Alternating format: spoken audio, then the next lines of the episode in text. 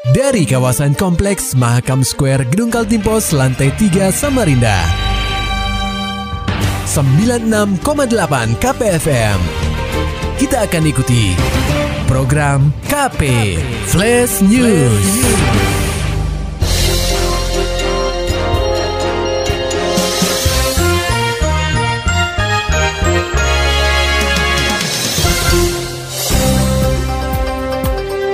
Anda menyimak program KP Flash News bersama saya Agung Pratama.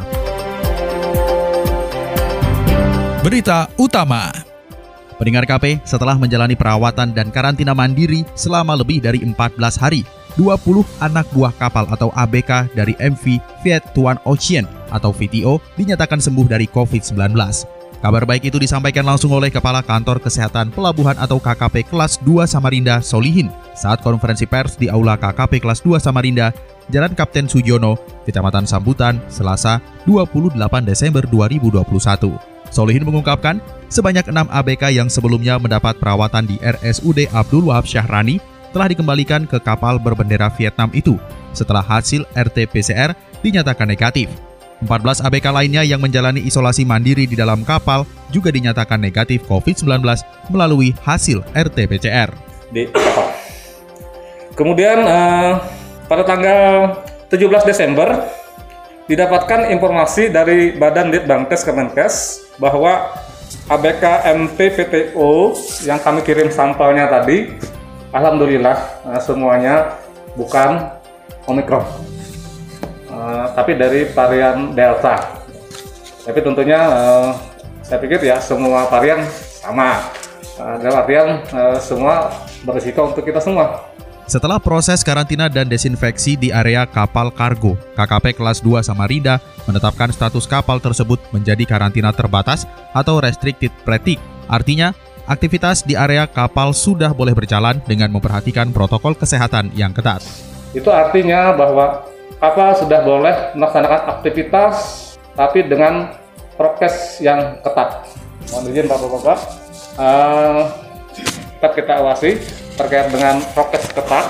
Artinya kalau ada loading, batubara dan lain-lain, upayakan menggunakan teknologi yang seminim mungkin untuk kontak uh, dengan buruh-buruh uh, yang ada di, di darat ya. Dalam pemberitaan sebelumnya, KKP kelas 2 Samarinda melakukan karantina terhadap kapal berbendera Vietnam MV Viet Tuan Ocean yang melakukan perjalanan dari Ho Chi Minh menuju Muara Brau dengan tujuan untuk bongkar muat batu bara. Namun pada Senin 6 Desember lalu, 20 ABK asal Vietnam ini dinyatakan positif COVID-19, di mana 6 ABK di antaranya harus mendapat perawatan di RSUD Abdul Wahab Syahrani Samarinda. Dari dunia hukum dan kriminal, bandar dan kurir narkoba dibekuk usai lakukan transaksi dengan sistem jejak. Laporan selengkapnya akan disampaikan oleh reporter KPFM Samarinda, Muhammad Nur Fajar. Hendak transaksi dengan sistem jejak, seorang kurir dan bandar narkotika dibekuk oleh Satres Narkoba Polresta Samarinda di Jalan Proklamasi B, Kelurahan Sungai Pinang Dalam, Kecamatan Sungai Pinang, pada Kamis 23 Desember 2021. Kanit Sidik Satres Narkoba Polresta Samarinda, Ibtu Purwanto menuturkan, pengungkapan bermula saat pihaknya mengamankan seorang kurir berinisial MY tepat di tepi jalan Proklamasi B, Kecamatan Sungai Pinang. Sebelum membuang barang haram tersebut, MY keburu terciduk oleh petugas kepolisian dengan barang bukti dua poket sabu-sabu ukuran sedang seberat 41,08 gram bruto, 29 butir pil ekstasi, serta tiga poket sabu-sabu ukuran kecil seberat 4,72 gram bruto. Pengembangan kembali dilakukan dengan menyasar kediaman pelaku yang tidak jauh dari lokasi penangkapan. Hasilnya, seorang bandar narkotika berinisial AN turut diamankan petugas bersama barang bukti satu poket sabu-sabu ukuran sedang seberat 17,83 gram bruto, satu poket kecil sabu-sabu seberat 2,86 gram bruto, serta dua poket kecil sabu-sabu seberat 1,63 gram bruto. Setelah tertangkap, oh. dia ambil dari barang yang pemilik rumah itu Nah ini perintahnya itu untuk jejak ini sebetulnya ini yang pertama ini. Oh yang pertama itu dia mau jejak. Nah, Taruhnya di duluan. dekat situ daerah situ. Hmm, terus? Tangkap duluan kan, jejak tangkap duluan terus bawa ini digeledah ketemu barangnya.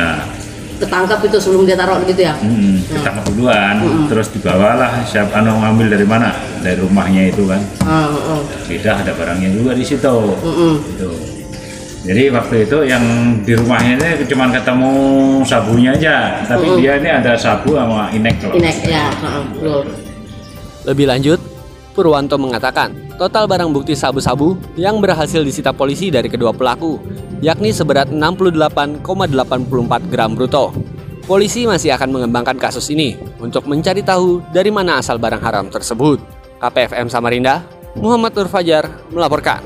Dari dunia olahraga pendengar KP, tim biliar Kaltim gelar rapat kerja provinsi, bahas pembenahan PON Papua dan persiapan Porprov Brau. Laporannya disampaikan rekan kami, Maulani Alamin. Tim biliar Kaltim digadang mempersembahkan emas di Pekan Olahraga Nasional atau PON ke-20 di Papua pada Oktober lalu. Indikatornya adalah prestasi memukau di kualifikasi PON dengan raihan satu medali emas, satu perak, dan satu perunggu. Namun sayang, tim biliar Kaltim tidak meraih satupun medali di hajatan olahraga terbesar tingkat nasional itu. Kegagalan ini menjadi bahasan utama Pengprov Persatuan Olahraga Biliar Seluruh Indonesia atau POPSI Kaltim dalam rapat kerja provinsi atau Rakerprov yang digelar Senin di Sekretariat KONI Kaltim, Jalan Kesuma Bangsa, Samarinda. Ketua KONI Kaltim Zudi Yahya yang hadir membuka kegiatan itu berharap tim biliar Kaltim mampu meraih prestasi di PON berikutnya yang terselenggara di Aceh, Sumatera Utara tahun 2024 mendatang. Nah, kita coba evaluasi apa yang kemarin uh, terjadi, apa-apa yang uh, sudah dilakukan pada persoalan PON dan bagaimana hasilnya. Ya, yang jelas kalau kita bicara untuk kopsi ini kan sudah maksimal ya. Upaya sudah dilakukan semua sudah saya katakan tadi ya. Nah, baik itu memang praponnya itu satu emas satu perak satu perunggu. Dekat pon kita tryout masih bagus lagi emas perak begitu pun nah, ini ada ada permasalahan. Berarti ada apa ini kita lihat ini? Dan tadi bisa dibahas itu. Sementara itu ketua Pengpro Popsi Kaltim Ismail memastikan pihaknya akan berbenah dengan menyusun program kerja yang lebih baik. Raker ini untuk persiapan program kerja jangka pendek, jangka panjang untuk menghadapi tahun 2022. Ini yang kami uh, lakukan beberapa hal dari konsep ini kami sudah melakukan beberapa pertandingan yaitu uh, di mana Prapon kita sudah bisa mengungguli beberapa teman provinsi lain tapi disayangkan kita juga di PON tidak apa belum nasib kita belum uh, mendapat rezeki yang bagus ini yang kami uh, pikirkan ke depannya Pak Ketua di sisi lain, Raker Pro Popsi Kaltim juga membahas persiapan Pekan Olahraga Provinsi atau Porprov ke-7 di Brau tahun 2022 mendatang. KPFM Samarinda, Maulani Al-Amin, melaporkan. Maulani Al-Amin, Muhammad Nur Fajar, KPFM Samarinda. Serta dapatkan berita-berita selengkapnya di www.968kpfm.co.id.